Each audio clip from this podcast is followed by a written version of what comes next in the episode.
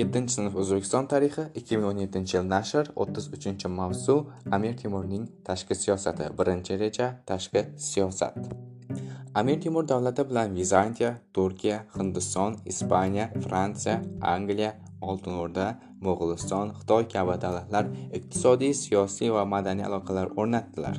Amir Temur davlatining tashqi siyosati o'z oldiga mamlakat xavfsizligini ta'minlash, qo'shni mamlakatlarda o'z ta'sirini mustahkamlash, Turkiya, Hindiston, Xitoy, Venetsiya, Ispaniya, Fransiya va Angliya bilan iqtisodiy, elchilik, madaniy aloqalar o'rnatish va rivojlantirish kabi vazifalarni qo'ygan.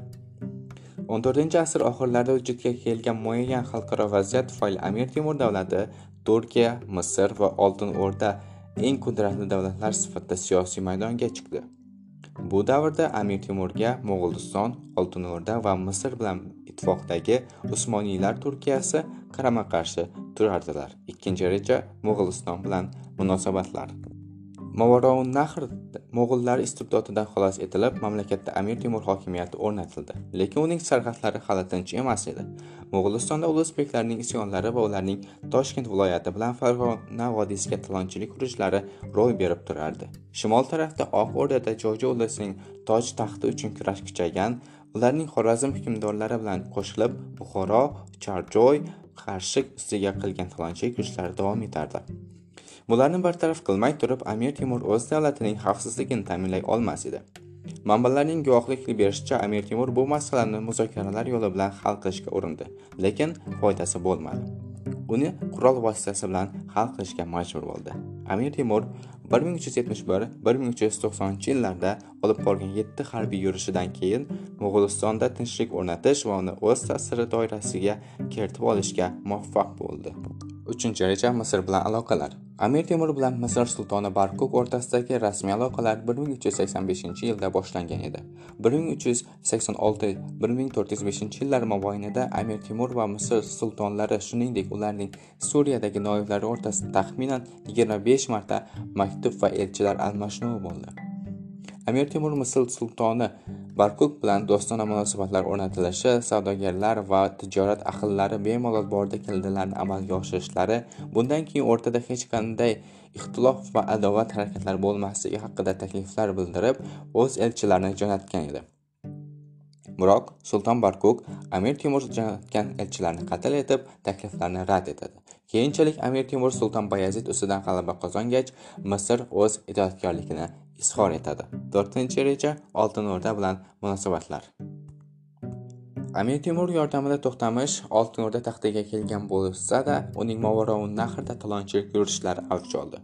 Bundan tashqari, To'xtamishxon Misr, Iroq va Turkiya bilan harbiy ittifoq tuzib, Amir Temurga zarba bermoqchi bo'ldi. 1384-yilda To'xtamishxonning elchisi Misr sultoni Barkuk bilan uchrashuvida Amir Temurni yo'q qilish taklifini kiritadi. Bunday taklifga shu yili Misrga kelgan Turkiya va Sivas elchilari mamlakatlari Amir Temurga qarshi bo'lgan harbiy ittifoqqa qo'shilishlarini aytdilar. Turkiya, Misr va Oltin O'rdaning o'zaro yaqinlashuvi Amir Temur davlatiga jiddiy xavf tug'dirardi. Shuning uchun Amir Temur bu harbiy ittifoqqa harakat kelishiga yo'l qo'ymadi. Amir Temur ittifoqchilarni bittadan safdan chiqarish siyosatini tutdi. 1395-yilda To'xtamishxonga, 1402-yilda Yildirim Boyazidga qaqshatqich zarbalar berdi. 5-reja Xitoy va Hindiston bilan munosabatlar. Sharqning eng katta davlatlaridan Xitoy bilan munosabatlar Amir Temur davrida bir qadar jiddiylashib qolgan edi. Bunga Xitoy hukmdorlarining ulug' davlatchilik siyosati sabab bo'lgandi. Min imperatorlar Xitoyga qo'shni bo'lgan mamlakatlarni Xitoyga qaram mamlakatlar deb hisoblar edilar. Amir Temurning elchilari va savdogarlari olib borgan sovg'a-salomlarni esa Olbon deb atar edilar. Temur ham Xitoy elchilari bilan shunga yarasha munosabatda bo'ldi. Klavixoning ma'lumotlariga qaraganda 1404-yilda Samarqandga kelgan Xitoy imperatorlarining elchilari boshqa mamlakat elchilaridan yuqoriga o'tkazib qo'yilgan ekan. Amir Temur buyrugiga ko'ra, ular ham boshqa mamlakat elchilari qatorida o'ziga yarasha joyga quyiroqqa o'tkazilgani ma'lum bo'ladi. 6-reja xalqaro siyosiy vaziyat. Sohibqiron Amir Temur jahon siyosiy hayotiga ham ta'sir ko'rsatdi. Ma'lumki, bu davrda bir tomondan Sulton Bayazidning Bolqon yarim orollik davlatlariga nisbatan tazyiqi kuchayib, butun Yevropaga xavf solayotgan edi. Ikkinchi tomondan Bayazidning o'zi g'arbga tomon shiddat bilan siljib borayotgan xavfli raqib Amir Temurni kuchli tazyiqiga duchor bo'lgan edi. Bunday siyosiy vaziyatda bayazidga qarshi kuchlarning ma'lum darajada birlashuvi tabiiy edi.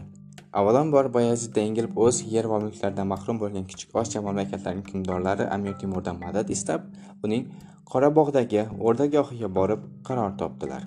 Hatto vizantiya va g'alatadagi genuya hokimining noibi fransiya qiroli hamda sultoniya shahrining katolik missionerlari yordam so'rab amir temurga murojaat qiladilar. Buning evaziga ular harbiy yurish vaqtida unga yordam berish hamda konstantinopol va peraning voyasiga to'lab kelgan bojini bundan buyon amir temurga to'lashga va'da qiladilar. Bunday taklif va amir temurga ma'qul tushadi chunki turkiyani dengiz sohilidagi tayanchini ajratish uchun unga dengizdan madad zarur edi. Shunday qilib 14 asr oxiri va 15 asr boshlarida sulton bayazidga zarba berish uchun qulay siyosiy vaziyat vujudga keladi. Bu vaziyatdan amir temur ustalik bilan foydalanadi. Yettinchi reja elchilik aloqalari. Anqara yaqinida turklarning bir yuz oltmish ming kishilik qo'shini ustidan qozonilgan buyuk g'alabadan so'ng amir temurning g'arbiy yevropa davlatlari bilan bo'lgan aloqalarining mazmuni tubdan o'zgaradi. Endilikda amir temur ular bilan do'stona munosabatlarni mustahkamlash va o'zaro savdo sotiq aloqalarni yo'lga qo'yish kabi masalalarga ahamiyat beradi. Amir temur 1402 yil yozida fransiya va angliyaga maxsus elchilar orqali karl olti va genrix to'rtnomlarga maktublar yo'llaydi. Elchilar parijga 1403 yil may oyida yetib boradilar. Elchilar ikki mamlakatning savdogarlari uchun erkin savdo munosabatlarini olib borishni ta'minlash va agar qirol hamda gersoglar rozi bo'lsalar bu erkin savdoni tegishli bitim va shartnoma bilan mustahkamlashni taklif etadi. Fransiya qiroli karl olti 1403 yil 15 iyunda amir temurga yo'llagan javob maktubidan ma'lum bo'lishicha amir temur takliflari fransiya tomonidan mamnuniyat bilan qabul qilingan. Xuddi shu davrda amir temurning angliya qiroli genrix to'rt bilan olib borgan diplomatik munosabatlarda g'arbiy viloyatlar hokimi muranshoh faol qatnashdi. G'arbiy eron iroq ozarbayjon armaniston o'z ichiga olgan mulklar hokimi muranshoh amir temurning keksayib qolgan davrida g'arbiy yevropa hukmdorlarining diqqat e'tiborini o'ziga jalb etadi. Bu davrda u yevropa davlatlari bilan o'zaro savdo aloqalarini jonlantirish maqsadida nasroniy ruhoniylarga xayrixohlik bildirib savdogarlarning daxlsizligini ta'minlash borasida chora tadbirlarni amalga oshirdi. Shu sababli g'arbda mironshoh tez orada katolik oqimining homiysi sifatida shuhrat qozondi. Kastiliya ispaniya qiroli genrix uch sharq bilan juda qiziqib qolgan edi. 1402 yilning bahorida dastlab ispaniya elchilari amir temurning kichik osiyodagi qarorgohiga yuboriladi. Elchilar amir temur va bayazidning kuch qudrati boyligi va qo'shinning sonini bilish hamda ular qo'l ostida yashayotgan xalqlarning urf odatlari dini va qonunlari haqida aniq ma'lumotlar to'plash topshiriladi. Sharq va g'arb davlatlarining elchilari qatorida ispaniya elchilari ham amir temur tomonidan qabul qilinib qirolnomaga yozilgan maxsus maktub va inomlar bilan kuzatiladi. Ularga qo'shib amir temur muhammad qozi ismli o'z vakilini ispaniyaga elchi qilib yuboradi. Genrix uch bir ming to'rt yuz uchinchi yilda amir temur huzuriga ikkinchi marta maxsus elchilar yuboradi. Unga klavixo boshliq qilib tayinlanadi. Ispaniya elchilari samarqandda amir temur tomonidan tantanavor qabul qilinib ularga hurmat ehtirom ko'rsatadilar. Klavixo boshliq ispaniya elchilari bir ming to'rt yuz to'rtinchi yil sentyabr noyabr oylarida samarqandda bo'ladilar. Amir temurning xitoy tomonga yurishi munosabati bilan boshqa ko'pgina davlatlarning elchilari kabi ispaniya elchilari ham bir ming to'rt yuz to'rtinchi yilning yigirma birinchi noyabrda samarqanddan jo'natib yuboriladi. Klavixo Ispaniyaga 1406 yilning mart oyida qaytib boradi. Klavixoning safar taassurotlari, Buyuk Temur tarixi, Temur qarorgohi va Samarqandga sayohat kundalik nomlari ostida ispan tilida bir necha bor nashr qilinadi. sakkizinchi reja tashqi savdo amir temur o'z davlati poytaxti samarqand atrofida qad ko'targan bir qancha yangi qishloqlarni sharqning mashhur shaharlari dimashq misr bag'dod sultoniya va shiroz nomlari bilan atadi chunki samarqand kattaligi va go'zalligi hamda tevarak atrofining obod etilganligi jihatdan dunyodagi eng yirik shaharlardan ham ustunroq turmog'i lozim edi.